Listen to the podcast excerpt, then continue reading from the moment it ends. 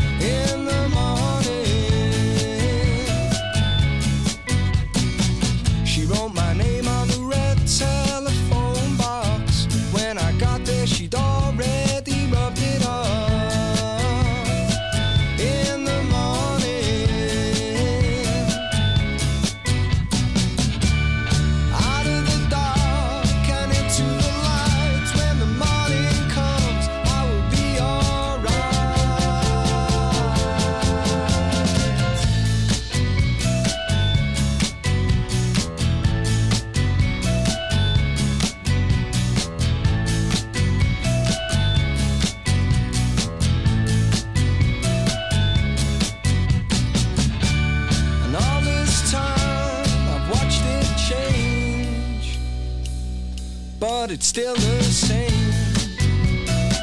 In the morning,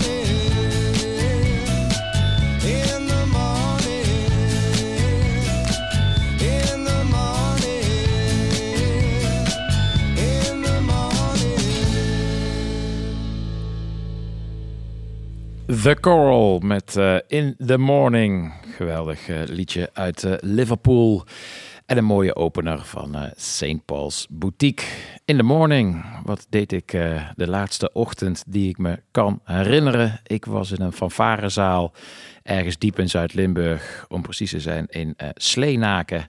En in die eh fanfarezaal presenteerde ik een popquiz helemaal in, dat was ook de bedoeling, zoals het ook bedacht, helemaal in eh, Better Call Saul sferen. Ik weet niet of je Better Call Saul gezien hebt, maar als je hem gezien hebt, dan weet je hoogstwaarschijnlijk wel dat hij eh, bingo slash kienavonden organiseerde in eh, een bejaarden eh, tehuis. Zelfs de bejaarden werden vriendelijk opgelicht. Ik kon niet zeggen dat ik de eh, aanwezigen in de fanfarezaal opgelicht heb, maar het had wel een vergelijkbare sfeer. Heerlijk met koffie en vlaai. Eh, want ja, je bent in Limburg, dan heet het Fly. Eh, daar vroeg in de ochtend popquissen. En dat was allemaal onderdeel van het eh Wandelensfestival, waar ik in de loop van de uitzending ongetwijfeld nog wat over kwijt moet. Allereerst gewoon de vaste ingrediënten. Nu de mooiste liedjes die mij de afgelopen week ter oren kwamen. Eh, nieuwe liedjes vaak, soms ook oude liedjes. Met een, eh, een reden in de actualiteit om ze te draaien. En die reden wordt er dan uiteraard bij verteld. We hebben de vloervuller van de week.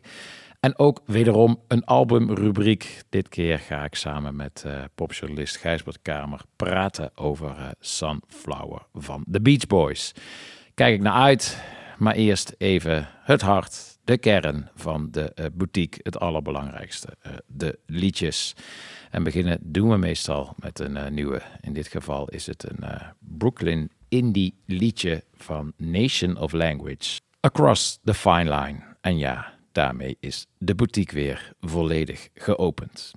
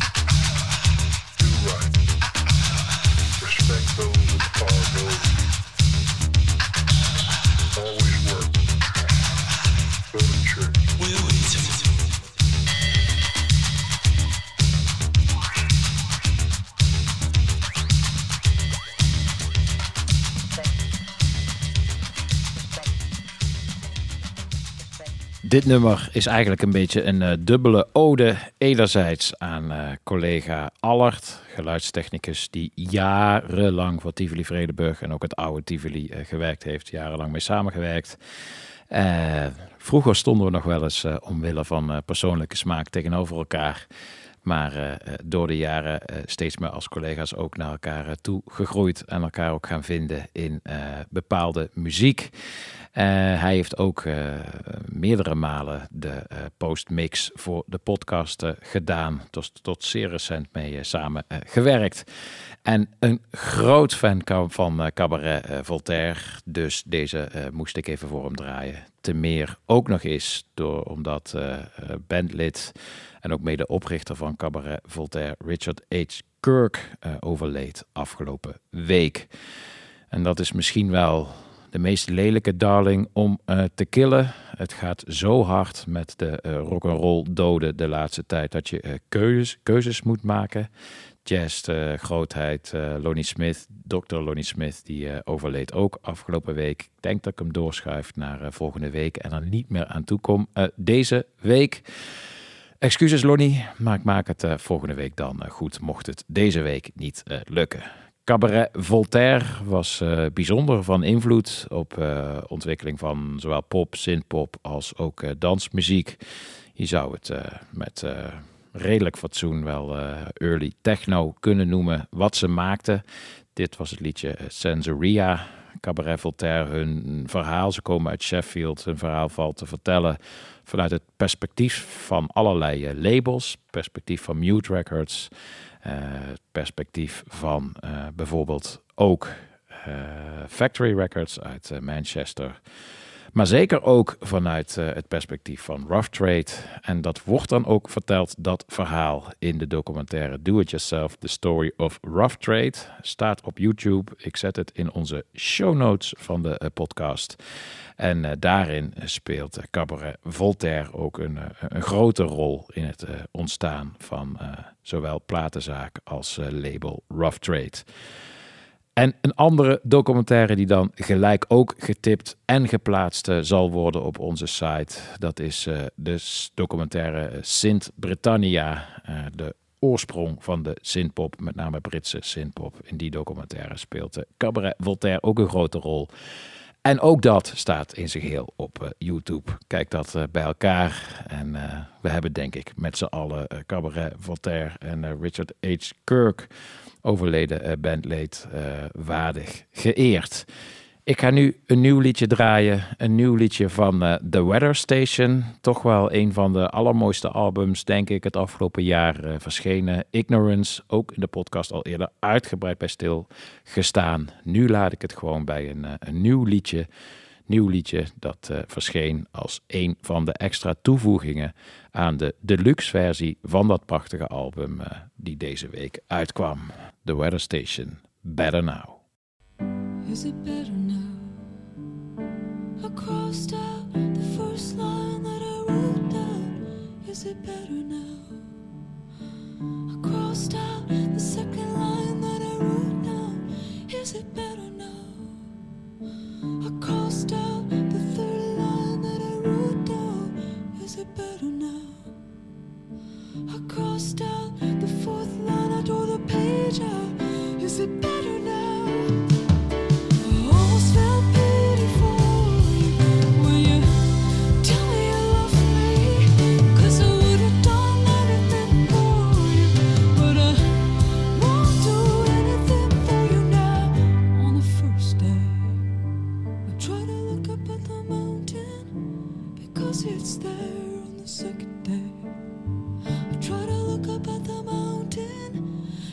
It's there on the third day. I didn't look up at the mountain because it's there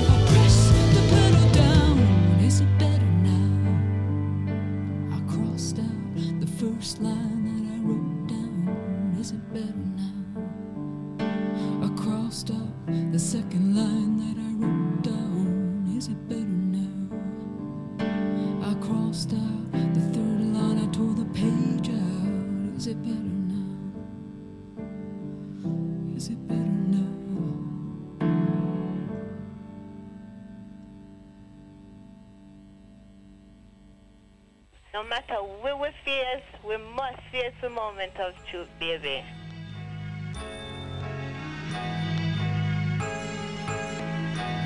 They say it's lonely at the top, and whatever you do, you always gotta watch motherfuckers around you. Nobody's invincible, no plan is foolproof. We all must meet our moment of truth. The same shiesty cats that you hang with and do your thing with could set you up and wet you up. Nigga, peep the language, it's universal. You play with fire, it may hurt you or burn you. Lessons are blessings you should learn through, let's face facts. Although MCs lace tracks, it doesn't mean behind the scenes there ain't no dirt to trace back. That goes for all of us. There ain't nobody to trust. It's like sabotage. It's got me ready to bust, but I can't jeopardize what I've done up to this point. So I'ma get more guys to help me run the whole joint. Cultivate, multiply, motivate, or else we'll die. You know I'll be the master of the who, what, where, and why. See when you're shining, some chumps will wanna dull ya. Always selfish, jealous punks will wanna pull ya down. Just like some shellfish in the bucket, cause they love it to see your ass squirm like a worm.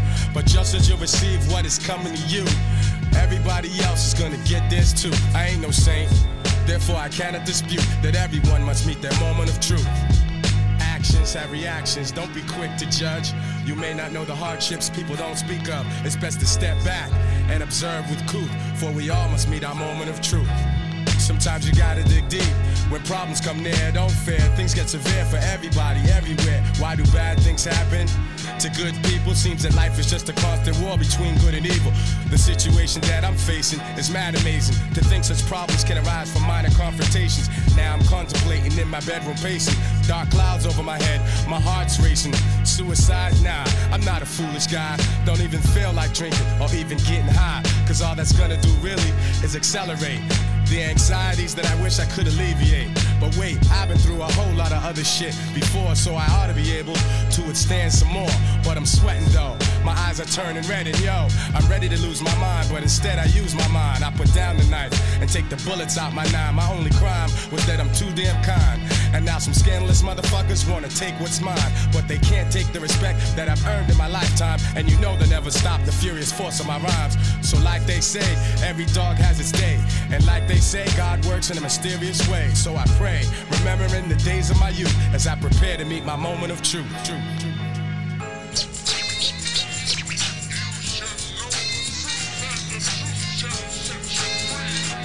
Yo, I got one lyric pointed at your head for start. Another one is pointed at your weak ass heart. Now, if I pull the trigger on these fully loaded lines, you're gonna wish I would've pulled the black nine. I'm Mac Dimes, crack the spines of the fake gangsters. Yeah, the biting trifling niggas and the studio pranksters. Yo, looking at the situation plainly, will you remain G or will you be looked upon strangely? I reign as the articulator with the greater data, revolving on a task and much doper than my last jam. While others struggle to juggle tricky metaphors, I explore more to expose the core. A lot of MCs act stupid to me, and we have yet to see if they can match our longevity. But anyway, it's just another day, another fake jack I slay with my spectac rap display. Styles smooth but rugged, you can't push or shove it. You dig it and you dug it, cause like money, you love it. The king of monotone, with my own throne. Righteously violent prone, my words bring winds like cyclones. Storming your hideout, blocking out your sunlight. Your image and your business were truly not done right. Throw up your hiala now, divine saviors. You got no hand skills, there's no security to save you. No pager, no celly, no drop top Benzie. I came to bring your phony hip hop to an ending. My art of war will leave you sore from the abuse, cause you must meet your moment of truth. They say it's lonely at the top, and whatever you do, you always gotta watch motherfuckers around you. No one is untouchable, no man is bulletproof. We all must meet our moment of truth. Totaal kippenvel krijg ik bij de herinnering aan eh, de midden jaren 90 dansvloer. En dan de midden jaren 90 dansvloer van eh hip-hopfeesten. Waarop dit soort dingen eh, gedraaid werd. En je met z'n allen met de ogen dicht en een vuist in de lucht op de dansvloer eh, stond. Dansen kom je het vaak eh, niet eens noemen. Het was een beetje met het hoofd schudden. Maar kippenvel hadden we allemaal wanneer dit opstond. Moment of Truth van Gang Star. En Moment of Truth, die vond de band Wet Leg na tien jaar een beetje rommelen in de marge. Wetlag is eh Rian Teasdale en Hester Chambers. Samen maakt ze al eh, tien jaar lang dus eh, tong-in-cheek eh, muziek. Traden ook op, maar brachten niks uit. Het werd ook niet echt wat, ging nergens naartoe. Vonden ze ook niet helemaal erg. En toen kwam in één keer Domino, het label van bijvoorbeeld Arctic Monkeys, over de vloer. En ze zagen er wel, wel wat in. En er werd een wat serieuzer plan geschreven. En er kwam een eerste liedje, Chaise Lounge. En dat was meteen al een winnaar. Wat een tune is dat zeg, niet normaal. En toen kwam er afgelopen week ook een tweede liedje. En dat klinkt ook al meteen als een eh, klok. En daarmee zijn ook eh, de ambities, de aspiraties van eh, het duo zelf, Wetlag, eh, omhoog gegaan. Niet meer tong-in-cheek in de marge rommelen, maar nu willen ze naar eigen zeggen in een interview met de Enemy herkend worden, erkend worden als guitar heroes. En dat vind ik zelf wel te gek eigenlijk, want het is toch een tijd dat... excusez le mot, gitaarbands het wat moeilijk hebben. Eh rock and roll domineert al lang niet meer eh, hitlijsten, streaminglijsten, eh radioplaylisten, noem het allemaal maar op. Het is toch een beetje op de achtergrond gedrukt al heel erg lang. En dan vind ik het super dat zij gewoon uitspreken dat ze niks liever willen dan de nieuwe gitaarhelden te zijn. Wat mij betreft hebben ze die eh, potentie zeker ook. Het zijn eh, misschien wel door een tong-in-cheek verleden allemaal instant aanstekelijke eh, liedjes. Allemaal, alle twee moet ik zeggen. Maar die vorige heb ik nu al stuk gedraaid. Ook op de paar dansvloeren waar ik tot nu toe voor gedraaid heb, ging er elke keer op. En ook iedere keer met succes. En het nieuwe liedje is ook al zo fantastisch. Als dit geen, nou, een dikke hit zal het niet worden. Maar ik denk toch dat dit boven de radar moet kunnen eh, verschijnen. Het is simpelweg te goed. Wet Lag met Wet Dream.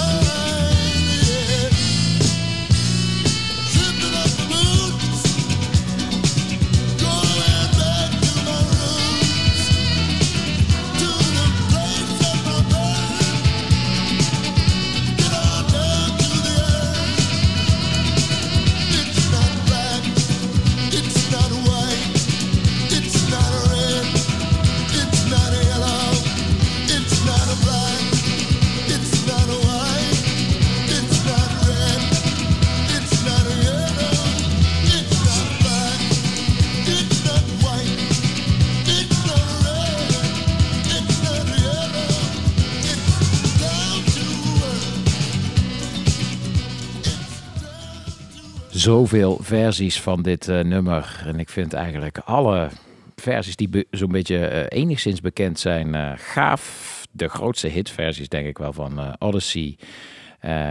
Je hebt het origineel, die ook fantastisch is. Duurt bijna acht minuten van Lamont Dozier, die we kennen van Holland Dozier Holland. Of Holland Dozier Holland, dat weet ik nooit zo zeker.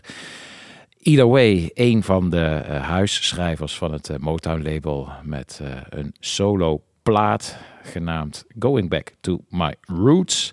Dit was de versie van Richie Havens. En Going Back to My Roots, dat was het geval voor mij afgelopen weekend. Ik ging naar Zuid-Limburg.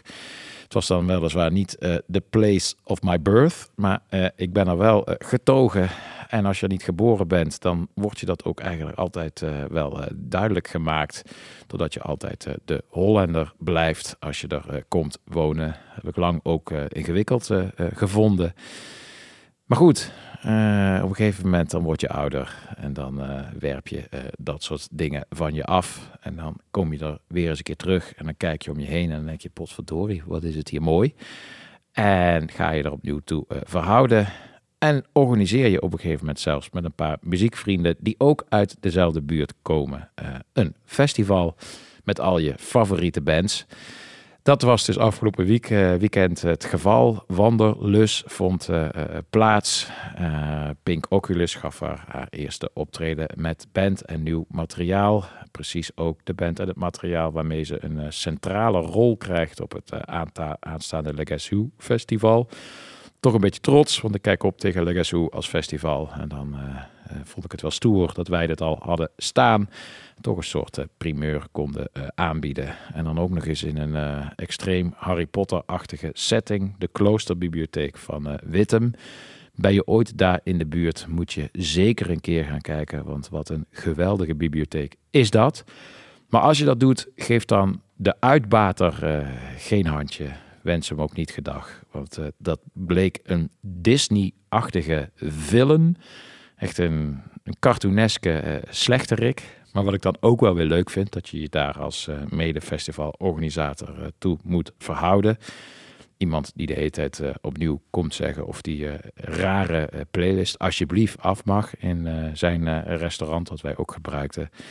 Dat ik dan elke keer weer opnieuw moet zeggen dat ik die rare playlist met heel veel liefde gemaakt heb. Dus dat die gewoon op moet blijven staan. Dat soort dingen ben je de hele tijd eh, eh, mee bezig. En in de tussentijd eh, spelen al onze favoriete acts, al onze favoriete bands en schrijvers en ook kunstenaars die we presenteerden. Die zijn allemaal eh, op bijzondere locaties tot eh, in het bos aan toe zijn die eh, aan het spelen. En je rent op en neer, soms ook stiekem stukjes met de auto om het allemaal te kunnen zien en het in tussentijd ook met elkaar in goede banen te leiden. Was geweldig om te doen. Kan er een hele podcast mee vullen. Dat zou een beetje narcistisch zijn. Dus ik laat het even bij het hart van het festival. Eh, dat was wat mij betreft de band The Goa Express in de boutique. Ook al meerdere malen liedjes van gedraaid. Het is Britse rock'n'roll, zoals je wil dat eh, Britse rock'n'roll eh klinkt. Ze zijn ook in Engeland wel echt op allerlei showcase festivals de band om te zien. Ook de BBC is fan. In Nederland hebben ze ook wel al op wat plekjes gestaan. Inmiddels zijn er wat meer liedjes eh, verschenen. Zijn er ook net wat meer mensen die ervan gehoord hebben. Konden we ze na heel veel gedoe en geregel, want nog extra testen en allerlei reglementen waar ze mee te maken hebben. Trouwens, als je meer wil weten over die reglementen, is het wel leuk om de machine te luisteren van, eh, van de VPRO-podcast. Daarin vertelt eh, Kilian van eh, de band Personal Trainer hoeveel gedoe het is om eh, nu in Engeland eh, op te treden. En het is ook heel veel gedoe voor eh, Britten om nu naar eh, Nederland te komen. Heeft alles met de Brexit te maken. Check die machine en check vooral dat gedeelte met, met Kilian van Personal Trainer om daar iets meer over te horen. Het geeft aan wat voor een gedoe het is. Dat was het dus ook met de Goa Express. Maar ze kwamen en ja, ze gaven voor mij het gedroomde optreden. Het was de afsluiter van eh, de zaterdag. Ook een beetje het eerste moment dat je als eh, organisatie een beetje in de droom durft te eh, geloven. Er is al het een en ander goed gegaan. Je ziet lachende gezichten om je heen. Je neemt zelf ook je eerste biertje. Je kijkt naar je absoluut favoriete band van het moment. En ze zijn dan ook nog eens in, in topvorm. Ik vind het dan totaal ontroerend om te zien dat iedereen, ook vrijwilligers die meewerkten, eh, die op dat moment ook even eh, klaar waren op andere locaties. eh, en de eh, festivalbezoekers, het was nogal een, eh, een breed spectrum aan leeftijden. eh, van eh, jong tot ook eh, zeer oud. En iedereen stond erop te dansen, terwijl het er toch behoorlijk flink aan toe ging. En ja, gelukkiger kun je mij eh, zo'n beetje niet eh, eh, maken. Eh, de hele optreden was één grote energieboost die ik nog steeds eh, in mijn lichaam voel als ik mijn ogen eh, sluit. Dus dat moet beloond worden met een liedje. Een van de liedjes die ik nog niet gedraaid heb in de eh, boutique. De eh, single The Day van de Goa Express.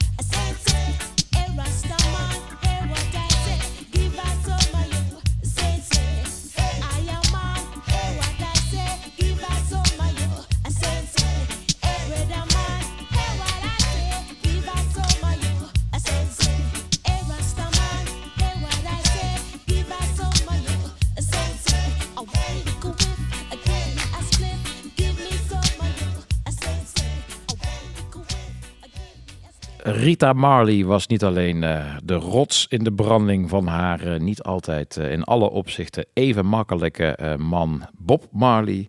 Ze nam ook op als eh, onderdeel van de uh, Solets. Eh, dat deed ze op Jamaica, zoals bijna iedereen in die dagen daar muziek opnam. Ze viel op, ze werd betrokken bij de organisatie van een backing band, vocal backing band, vocal backing groep voor de muziek van Bob Marley. Dat werden de I3's. Eh, samen met onder andere Marsha Griffiths en ook eh, eh, Judy Mowat. Met z'n drieën zouden ze veel vroege hits van Bob Marley van vocalen voorzien. Uiteindelijk zou ze later ook onder haar solonaam Rita Marley nummers opnemen, waarvan dit mijn favoriet is. Het is een les in hoe een jointje te roken. Het is letterlijk een instructie ervoor. one draw.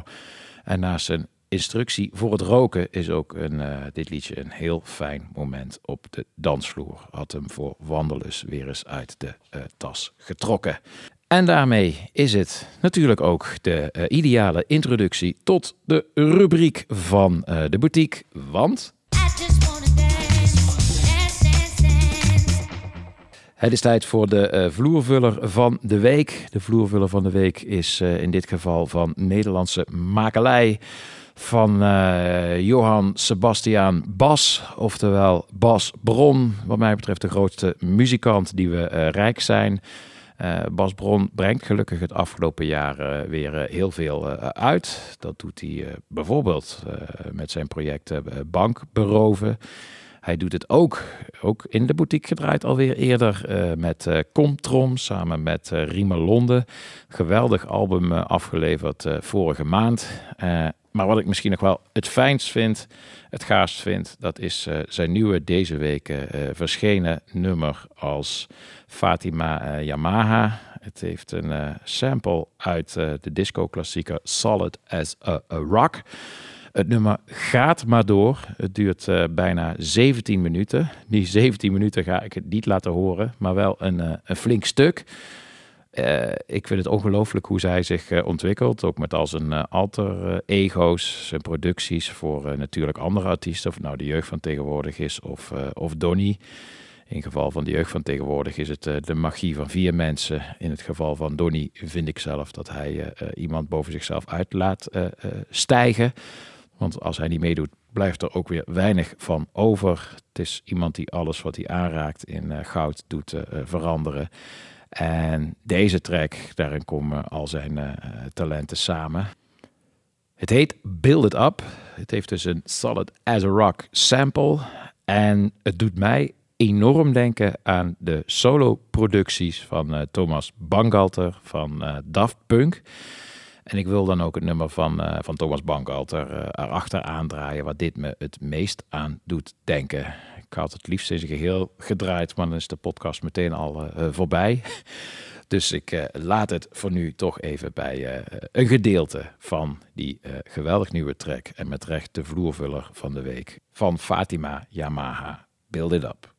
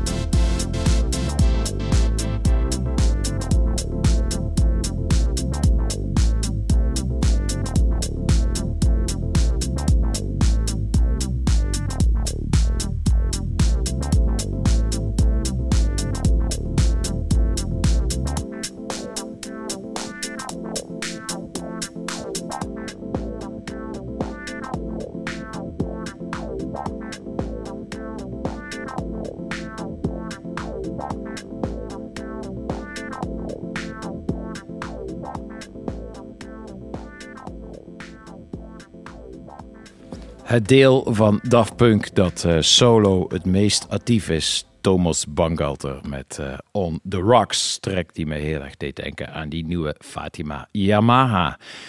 Gaan we nu een liedje draaien dat ik eh, heb leren kennen dankzij een playlist.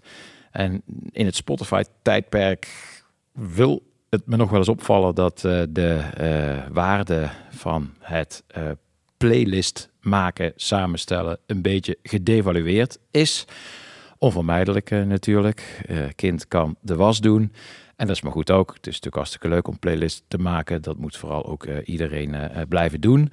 Maar het wordt daardoor ook wel steeds moeilijker om echt een goede handtekening te zetten. En als dat gebeurt, dan valt het wat mij betreft ook meteen op. Een playlist die ik jarenlang al met plezier volg is een playlist genaamd Indie-Fi. Eh, op Spotify gewoon eh, te vinden. Het is gemaakt door een eh, Uber-liefhebber die heel lang ook als over muziek geblogd heeft. En nu dus als Indie-Fi eh, zijn liedjes op Spotify zet. En het goede vind ik nou juist dat niet elk liedje voor mij gemaakt is. Dat is ook onvermijdelijk. Maar dat het dus die handtekening heeft. Als ik op zoek ben naar een bepaald type liedje, laten we zeggen toekomstbestendige, vaak licht elektronische eh, pop, eh, dan kom ik toch altijd wel bij zijn playlist uit en vind ik eh, vaak waar ik naar op zoek ben. Hij is ook heel erg up-to-date. Heel snel met allerlei nieuwe eh, eh, releases. En het is eh, heerlijk om er doorheen te eh, grasduinen. En ik kom altijd wel weer iets eh, eh, tegen wat ik tof vind. Dan wel voor de dansvloer, dan wel zoals nu voor in de eh, podcast. Liedje wat ik nu wil gaan draaien is eh, van zo'n, eh, ja, weer, wederom licht elektronisch poppy artiesten. Veel vrouwen selecteert hij ook. Dit keer is het iemand uit eh, New York. Vitesse X heet ze. Liedjes Potential Energy. En wat ik hier zo gaaf aan vind, is dat het eh, een van de vele liedjes is, liedjes is van de laatste jaren die eh, wederom gebruik maakt van de eh, jungle drum en bass breaks. Zo'n mooie hype vind ik dat artiesten als Lava LaRue en ook wel Slow Tie, eh, die toch behoorlijk vaak over de top zijnde breaks op een nieuwe manier aanwenden, waardoor het in één keer in een, in een popliedje eh, past. Dat doet zij ook. En ik wil dan van de gelegenheid gebruik eh, maken om echt een all-time jungle klassieker erna te draaien. Maar eerst maar eens even dat liedje uit die Indify Spotify playlist, die ik uiteraard ook in de show notes van de boutique zal plaatsen. Eh, gemaakt door eh, Over Muziek, inmiddels Indify. Genoeg reclame, laten we het liedje gaan luisteren. Vitesse X, Potential Energy.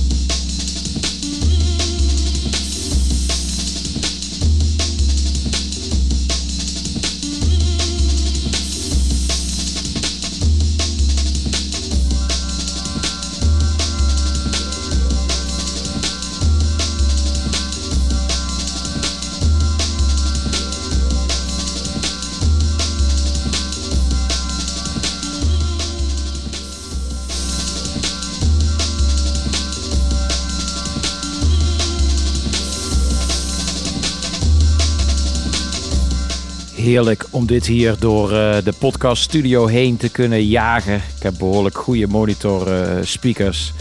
Ik denk dat het eh, tot aan de kassaruimte, zes verdiepingen lager, te horen is dit. Atlantis van LTJ Buckham. En daarmee verlaten we de high energy even. Gaan we naar een geweldige ballad die eh, gespeeld werd door eh, de afterparties. Zij komen uit Noord-Limburg. Ze stonden in dit geval in Zuid-Limburg op het Wandelus Festival. eh, midden in het bos te spelen. Akoestisch, niet de makkelijkste setting. Maar afterparties zou afterparties niet zijn als het publiek niet om hun vinger wisten te winden. Ik denk wel een van de beste voormannen die Nederland rijk is. Niek, Niek Nelle van de afterparties. Het zat vol van, eh, van humor, van improvisatie. Op een gegeven moment kwam er een eh, midden in het bos vrij onverwachte grote eh, landrover eh, voorbij met eh, een aanhangwagen en daarin een hele grote bak met eh, water. En het liedje wat op dat moment eh, gezongen werd, eh, de tekst die eh, veranderde alsof het eh, zo bedoeld is, eh, in één keer in een, eh, in een liedje over een landrover met een aanhanger, met daarin een bak met heel veel eh, water. Eh, en toen de landrover eenmaal eh, weer eh, aan de horizon van het bos verdwenen was, toen ging de tekst weer gewoon over in de tekst zoals die bedoeld was. En dat was het liedje. Ze speelden eigen liedjes en ook covers. Dat was op dat moment een, een liedje dat ze speelden van Jonathan eh, That Summer Feeling. En toen ik dat hoorde, daar in het bos op Wandelus, wist ik dat ik het ook in de podcast moest laten horen.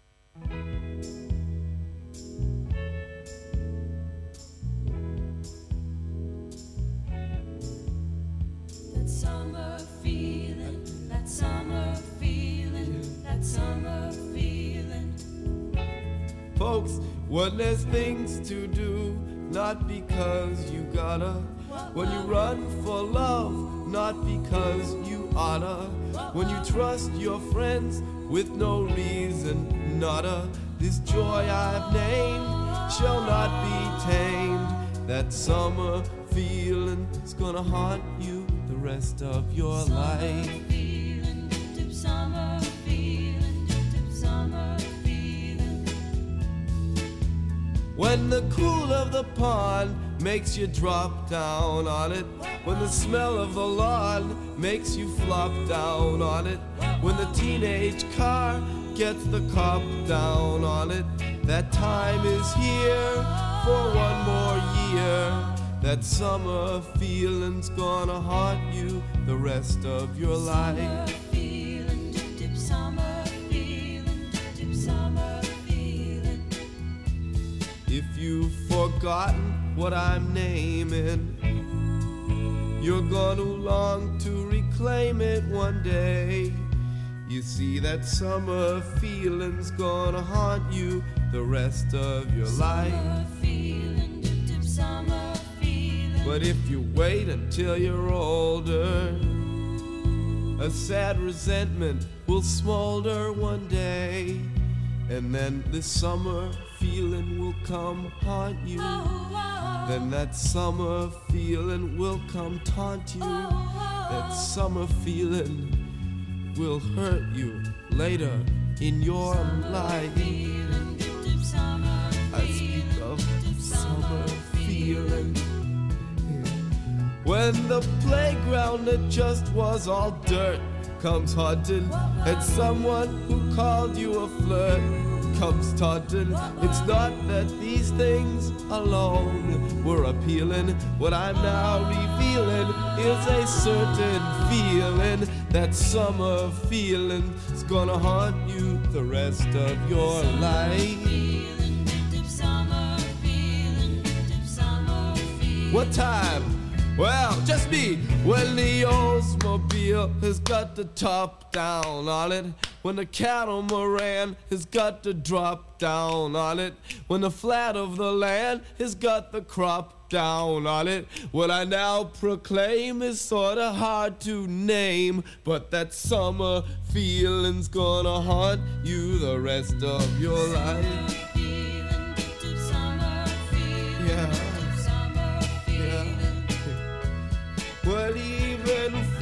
Grade starts looking good, which you hated. And first grade's looking good too, overrated. And you boys long for some little girl that you dated. Do you long for her or the way you were? That summer feeling's gonna haunt you the rest of your life. Yeah. That feeling's gonna haunt you. That feeling's gonna haunt you, yeah. Well,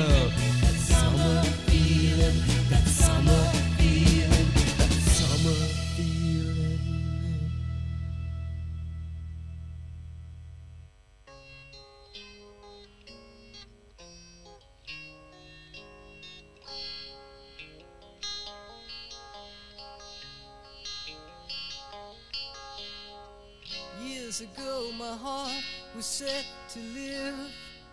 Oh, I've been trying hard against unbelievable odds.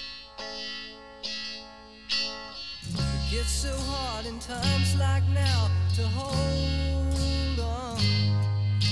But guns they wait to be stuck by. At my side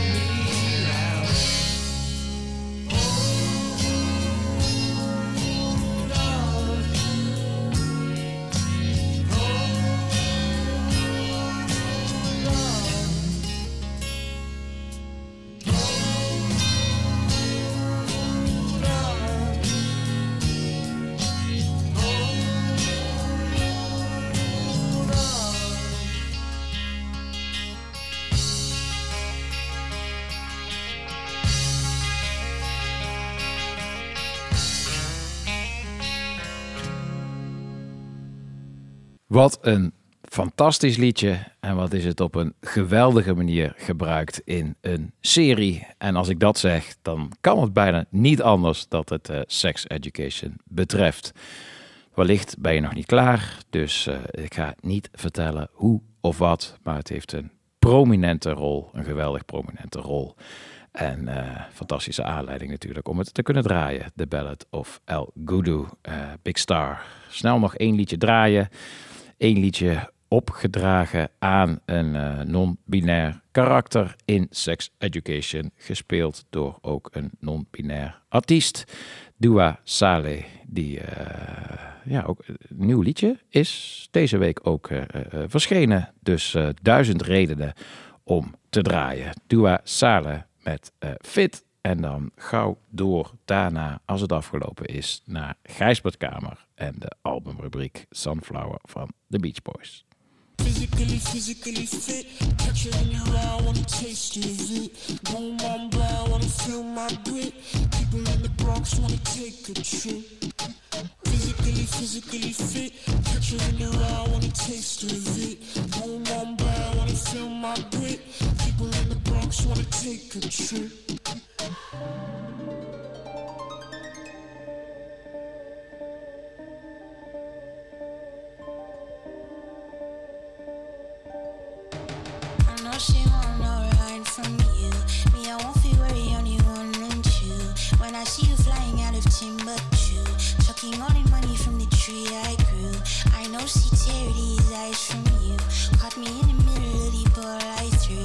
you want me bowing to the glass I drew, I could melt the colors if you stain on you. Time up around me, crystal calibrates around me. Nice so nice so naughty. Candy cooking on school county. Time up around me. Crystal calibrates around me. Nice so nice so naughty. County cooking old school county.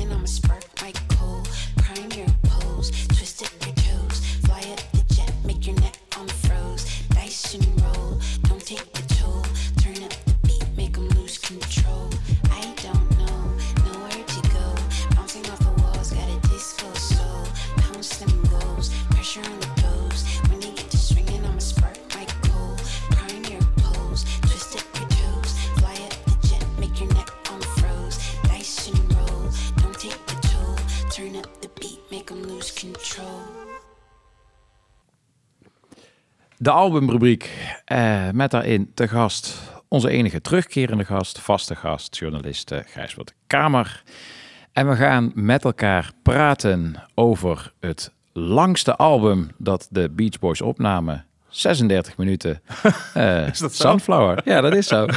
Oh, dat, dat wist ik dan weer niet. Eh, Ja. Ik had nooit ge- gemeten, nee. nee. Eén minuut langer dan eh, Pet Sounds. Oké, kijk eens. Nou, Ik, ik, da- ik- ik- het komische is, dan duiken we er gelijk in. Maar ik dacht, joh, wat een, eh, wat een kort album weer. En toen dacht ik, eigenlijk kan me alleen maar korte albums eh, herinneren. En toen bleek het dus ook nog het langste album te zijn dat Ja. ze opgenomen eh, eh, hebben. Daar gaan we over praten, uitgebreid. Jij bent eh, leading. Eh, als ik het gevoel heb dat eh, we te veel uitweiden, dan breng ik het wellicht terug. Ik hou de klok in de gaten, maar jij mag lekker Ja. freewheelen. De enige, het enige vaste element is de openingsvraag naar aanleiding van een liedje van Pulp.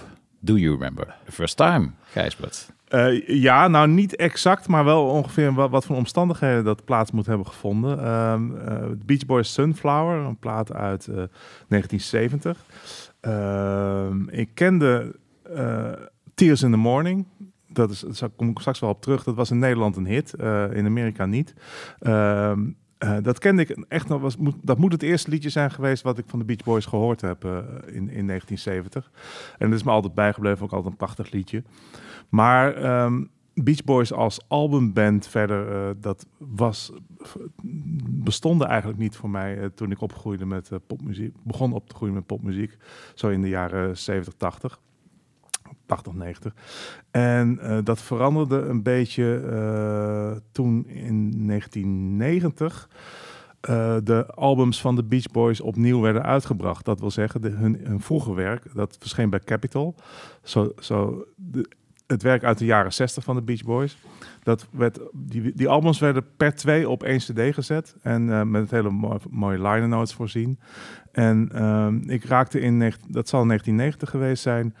eh, ontzettend gefascineerd en bijna geobsedeerd door, eh, door die vroege Beach Boys. Ik vond het prachtig. Ik, las ook veel boeken. Ik las de biografie Heroes and Villains van eh, Stephen Gaines. Ehm, wat een, waarin ze echt allemaal zo ongeveer naar, naar voren kwamen als onsympathiek, ziekelijk en, en vervelende mensen. En ook wel een beetje sneuwe mensen, zoals vooral Brian Wilson.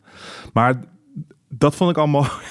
maar toen die, dus die, al die albums van, hun vroege surfplaten tot en met ehm, zo eh, Friends en eh 2020 ehm, bij elkaar in losse, eh, op losse cd's, ja, twee albums tegelijk kwamen. Er, toen dacht ik, jeetje, wat, is, wat, wat een geweldige band is dit. En, en toen, daar zat nog niet eens Pet Sounds bij. Die kwam volgens mij later apart uit nog. eh.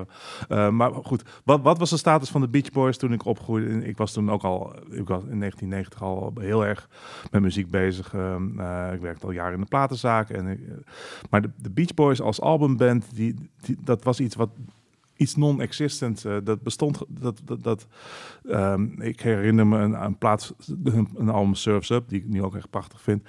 Die, herinnering die stond in de uitverkoopbak. Daar bleef je ook gewoon eh, vanaf. Want de, in de jaren tachtig, toen het, toen het voorkwam, toen, ehm, ja, je luisterde helemaal niet naar oude muziek. Waarom zou je? Er kwam iedere week geweldige nieuwe muziek uit. De oude, enige oude muziek waar je naar luisterde was waaraan door nieuwe mensen gerefereerd werd. Dus eh, als iemand zei de Velvet Underground is, nou, dan ging je daar naar luisteren.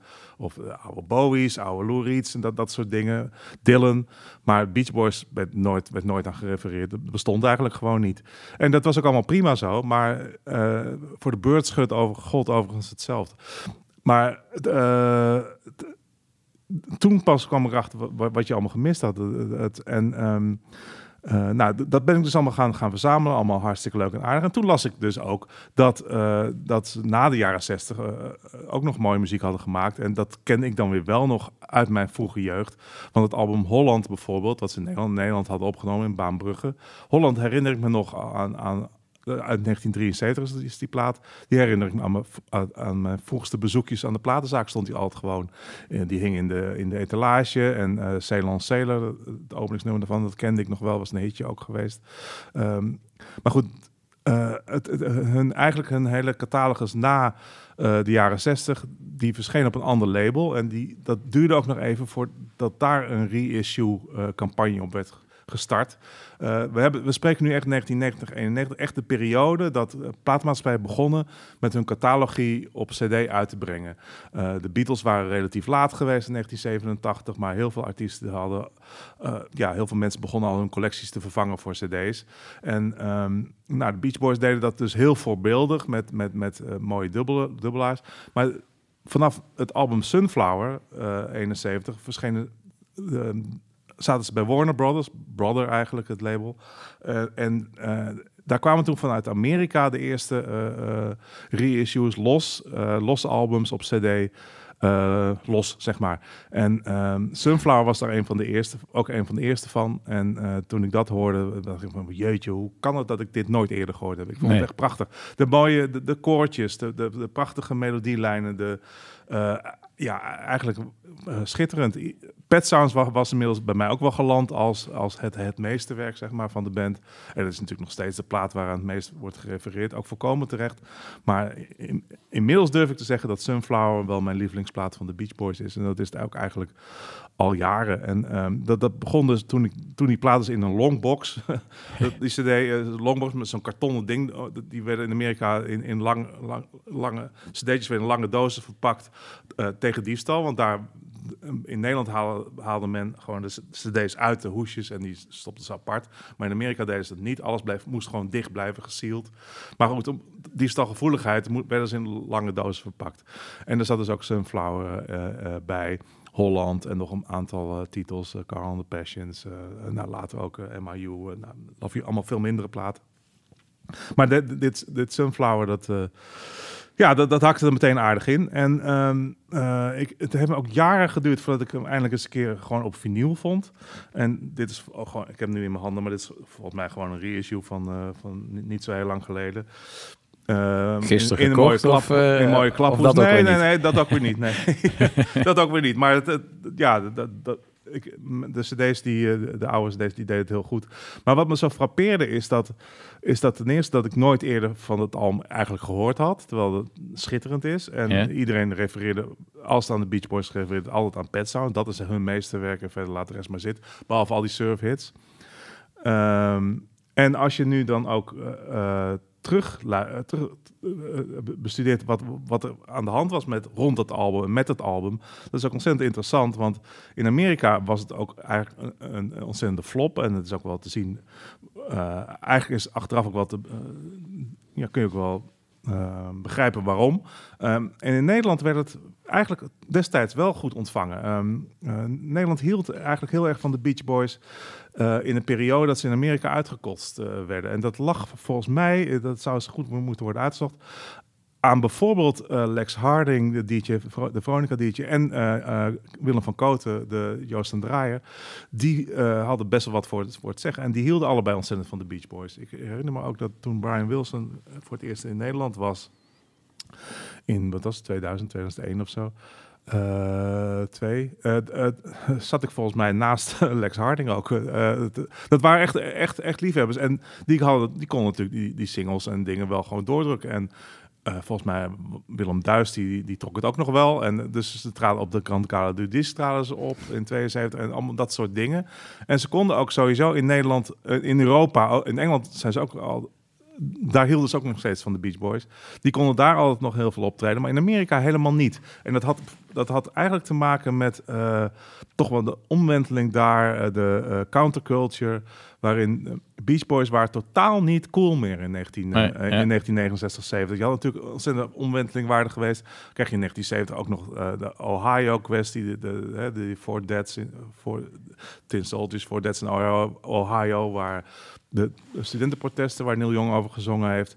Eh, je moest er eigenlijk, wel- met muziek moest je, je moest ergens voor gaan staan. En de Beach Boys stonden nergens voor. Als je die hoes ook ziet, ik zal hem even beschrijven. Het, het is eigenlijk te truttig voor woorden. Er zitten de, staan de Beach Boys in een, in een soort zondagse vrije tijdskloffie.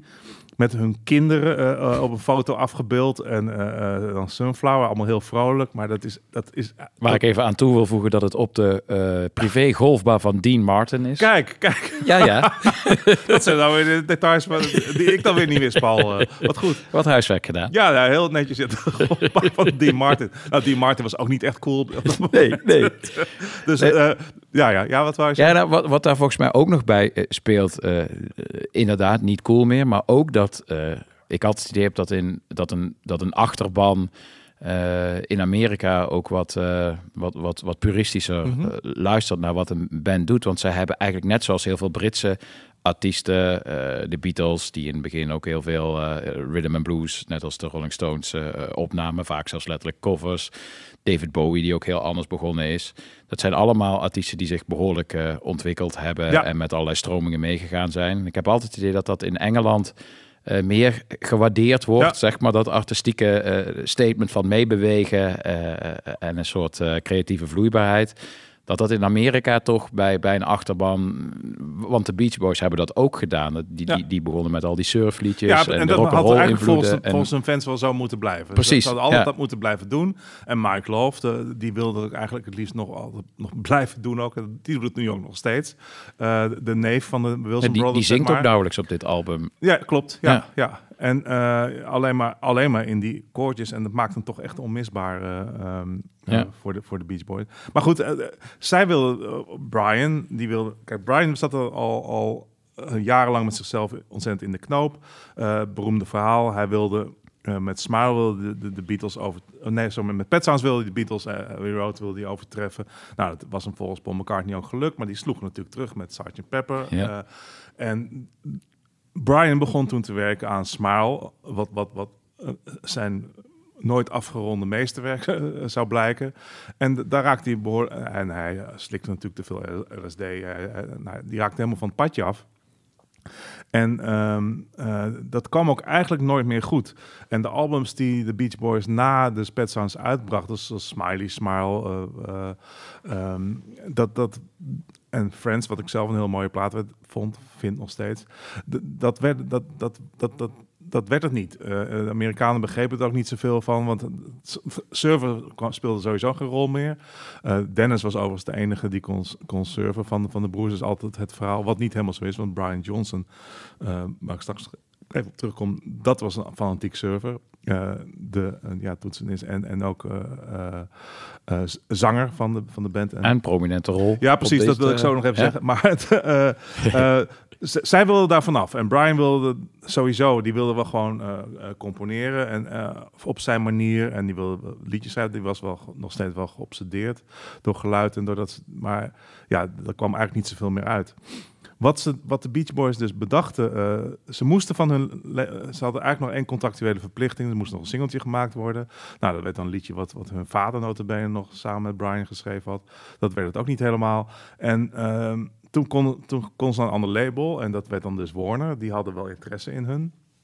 Ook overigens wel interessant, wat, wat volgens mij ook meespeelde met hun succes in Nederland, is dat die tak van Warner, die werd in Nederland heel goed gepromoot. Eh, de artiesten die daar zaten toen, eh, op de Reprise-artiesten ook, die deden het in Nederland ontzettend goed. Ehm, als je kijkt naar bijvoorbeeld artiesten als uh, Ry James Taylor, maar, maar vooral Ry Cooder, Little Feat en Johnny Mitchell in zekere zin, die werden in Nederland veel beter opgepikt dan, dan in Amerika zelf. En dat, is, ehm, dat heeft volgens mij ook weer met mensen die daar in Nederland bij Warner werkten destijds, die dat gewoon heel goed deden. Maar dat zal allemaal eens een keer uitgezocht moeten worden. Eh, eh, du- dus dat heeft ook mee te maken dat, dat Sunflower het in Nederland wel goed deed en in Amerika niet. Maar Ja. in Amerika, daar, deze plaat flopte gigantisch. Eh eh, stranden op 151 in de albumcharts, wat belachelijk laag is. En nou, dat is echt, was echt een enorme En ook flop. maar één singeltje. eh, Ja. volgens mij Add Some Music to Your Ja, Day is de enige die ergens boven in de, de Billboard Ja. single chart. Ja, ja het, het, was, het, was echt, het was echt helemaal niks. Ehm, maar ze hadden wel eh, een manier gevonden, de Beach Boys, ook op dit album, wat ze later met, met Surf's Up, die dan weer wel beter deed in Amerika, zouden voortzetten. Dat is dat ze ehm, niet meer in een studio gingen zitten met z'n allen. eh, en dan maar afwachten of Brian mee kon of niet. Maar dat ze de studio in Brian's huis hadden eh, gebouwd. Dus dat betekent dat Brian Wilson zat, lag of zat boven de hele dag op zijn kamer. En de Beach Boys, de andere Beach Boys, de andere vijf, die, die, die waren gewoon beneden aan het werk. Er stond ook een Moog synthesizer, wat heel bijzonder was toen. eh, waar ze mee aan het klooien waren. En, eh, die, en alle vijf hadden ze, waren ze eigenlijk op dat moment in, een soort... Ja, ze hadden creatieve hoogconjunctuur zaten ze. En dat kun je van tevoren ook niet bedenken. Maar bijvoorbeeld Dennis, die eh, daarna, die, die echt op dit, dit, ja, op dit moment bij deze opnames eh, zijn mooiste liedjes eh, ehm, eh, maakte, zoals Forever, eh, wat echt een, een, schitterende ballad is. En ehm, Dennis was heel goed. En Brian Johnson niet te vergeten, we, we noemden hem net al eventjes. Hij, hij was de, de componist en zanger van Tears in the Morning. En het, wat ik misschien wel het mooiste liedje vind, in ieder geval het mooist gezongen liedje, eh Deirdre.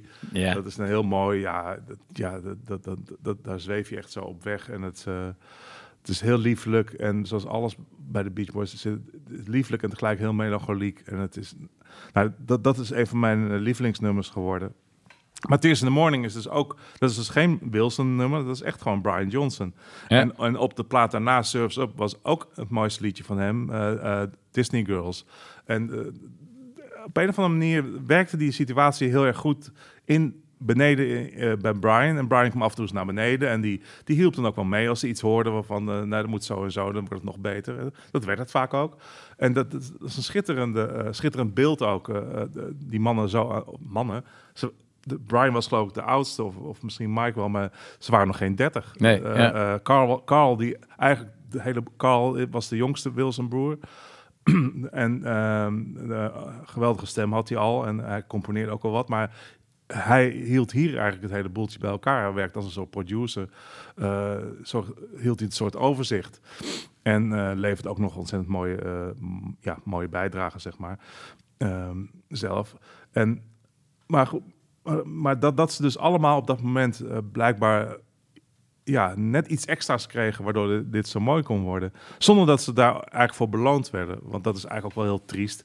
Dan denk je van, je, je hebt absoluut meesterwerk gemaakt en zo'n plaat flopt gigantisch. Ja. Ja. behalve dan in Europa, waar het, wel, waar het ook niet zo'n enorm succes was, maar waar het gewoon het album het wel goed deed. Wel, wel leuk voor ons voor zo'n uh, albumrubriek als dit natuurlijk. Ja. Er zit wel de, de uitgelezen plaat eh, Maar voor. wat, wat, en, maar wat ook, eh, wat ook mooi is, en da- daarom eh, we- maak ik even snel een brugje naar de Surf's Up was het album wat hierna kwam. Eh, toen waren ze van manager gewisseld, maar ook van attitude, zeg maar. De, de liedjes gingen... ehm, want dit was dus geflopt, dus ze, ze moesten ook eigenlijk wel iets veranderen. Want als dit flopt, wa- wat moeten ze dan nog doen? Nou, bijvoorbeeld meer ergens voor gaan staan. Dus Surf's Up kwamen ze dan mee. En dat was dan een album waarop dan een beetje geforceerd wel de, de thema's van die tijd aan de orde kwamen. Mike Loves eh, zingt Student Demonstration Time, eh, een bewerking van de Coasters Ride Going on Cell Block Number 9. Ik vind het zelf een van de minste nummers ooit van de Beach Boys, een schreeuwerig nummer. Maar goed, blijkbaar mo- moest iets, ja, er moest iets van eh, betrokkenheid bij, bij de problemen van die tijd. En ik vind nog steeds wel heel geestig dat je noemt een album Surf's Up. eh wat voor Amerikanen, ah, ze gaan eigenlijk weer een surfplaat maken.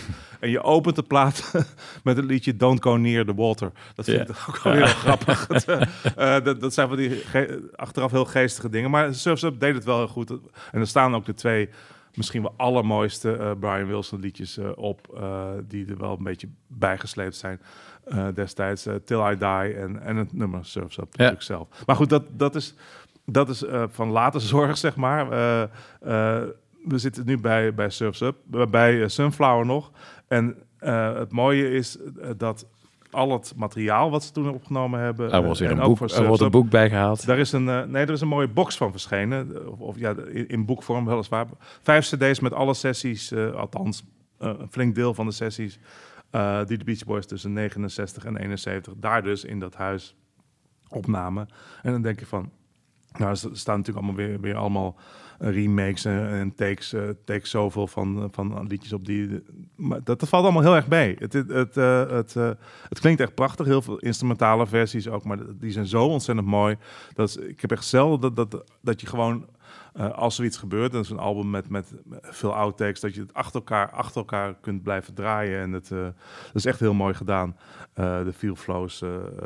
een deze dagen, als het goed is, verschijnt eindelijk mijn stuk over, de, over, over deze box in, in de krant. Want ik was al een tijd Het ziet er prachtig uit. Ziet er ook Ik ga hem ook even in de ja. show notes van de podcast zetten. want Ja, het, moet je even doen. Ja, het is echt heel mooi. En er is ook een mooie dubbel CD-versie eh, voor de.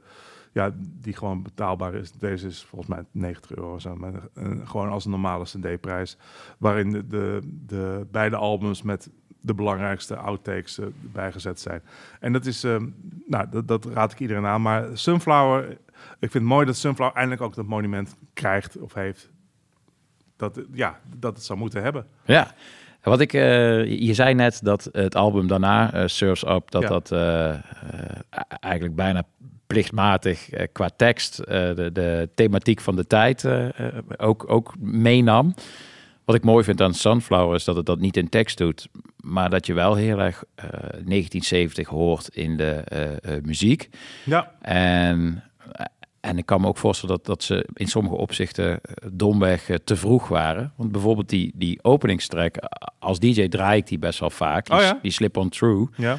Als je daar goed naar luistert, als je er een, een- cowbell aan toe zou eh, Ja. voegen en je maakt het eh, wat langer, dan is het een, een barcase eh, funk track, Ja. zeg maar. En, Ja. en Ja, ja, ja. dat vind ik zo, zo bijzonder aan dit album, dat je hoort elementen, maar wel allemaal binnen die jaren 60, 2, 3 minuten structuur. Dus bij sommige nummers denk ik ook, als ik een nadeel zou moeten noemen van het album, is dat ik soms denk, Kort, hè? ja, als ik nummer, ja, dan- oh Ja, wauw. En Ja. voordat ik echt wauw kan denken, is het alweer voorbij.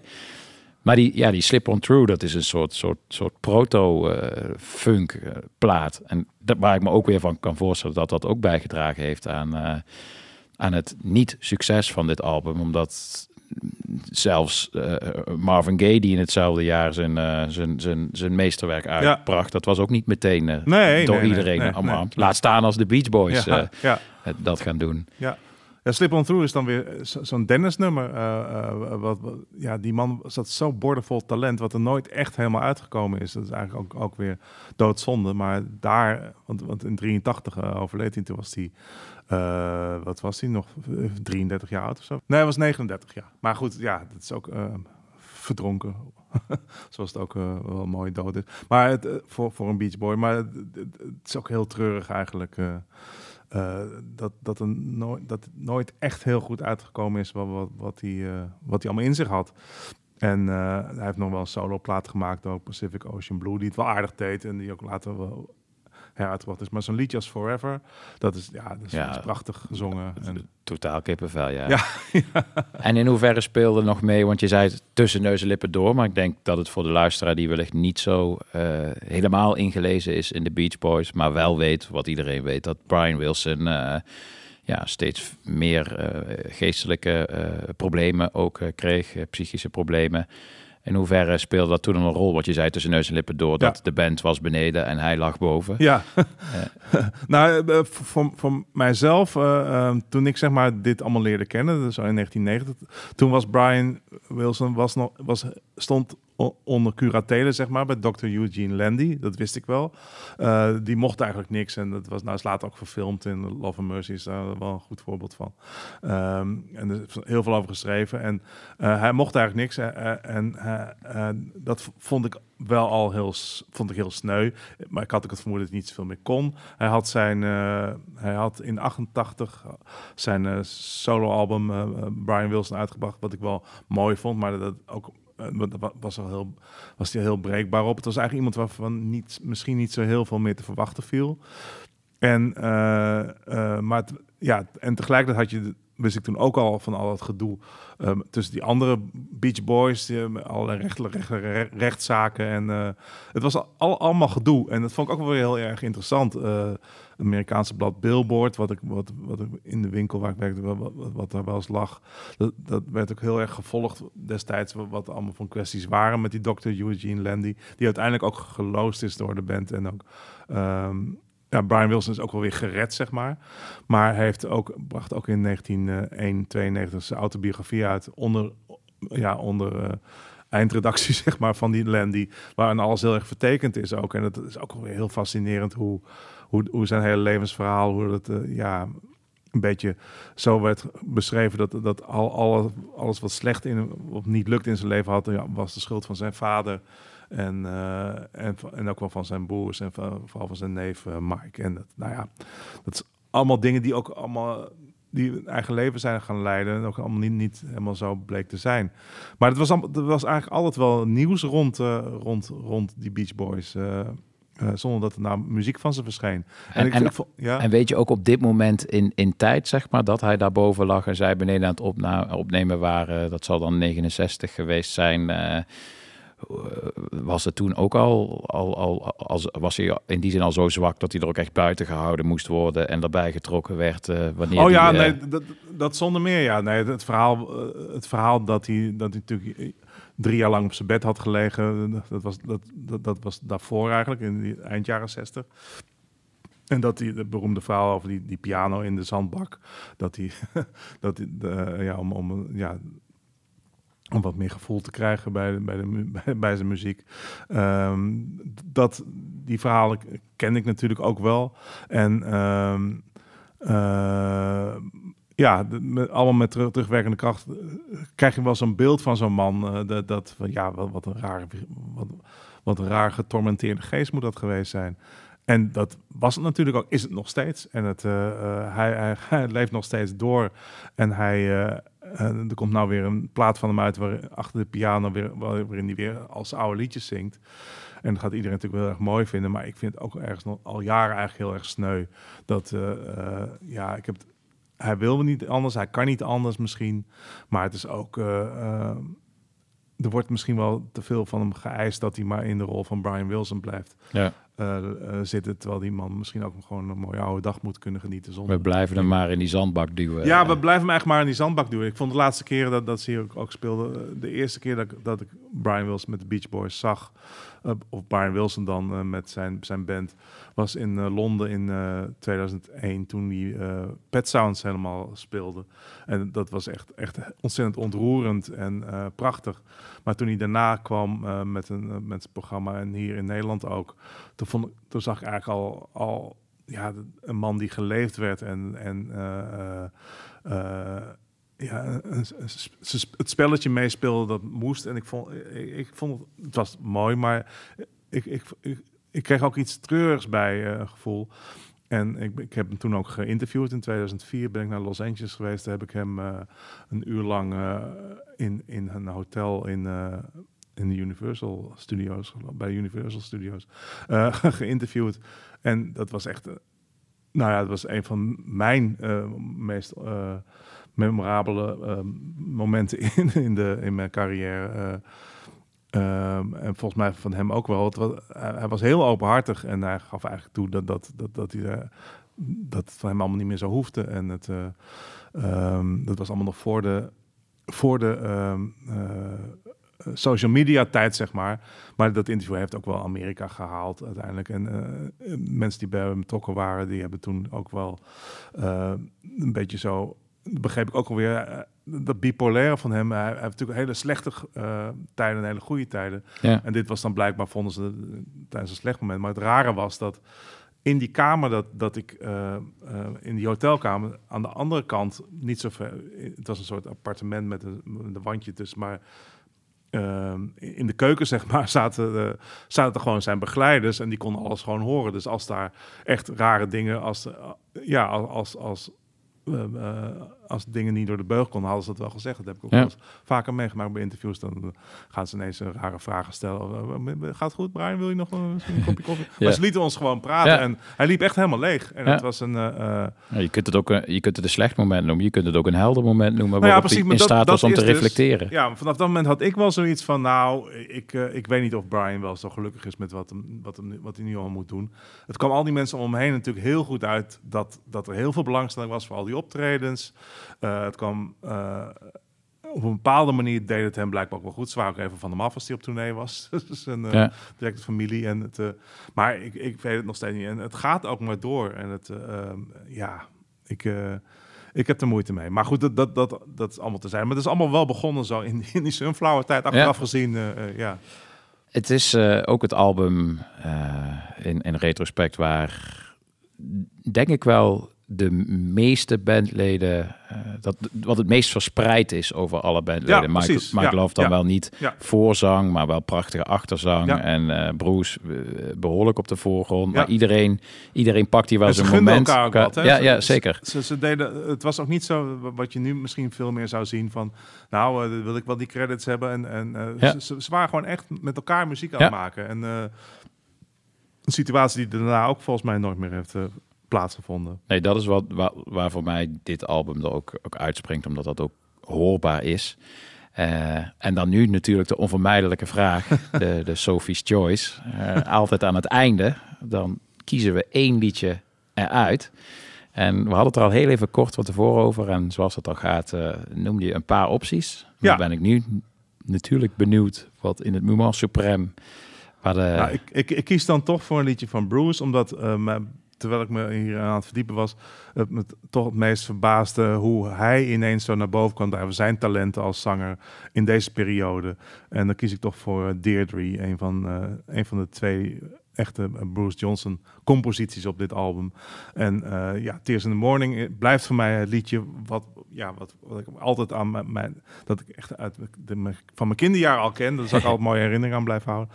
Maar de ontdekking van zijn Deirdre, dat, is me ook zeer dierbaar. Ja, die gaan we draaien. En dan zeg ik ook nog even extra, want ik word altijd zeer vrolijk als mensen gewoon fysieke artikelen meenemen naar een podcast die niemand eh, kan zien. en dan kan ik ze op zijn minst. ziet u dat? Ja, precies.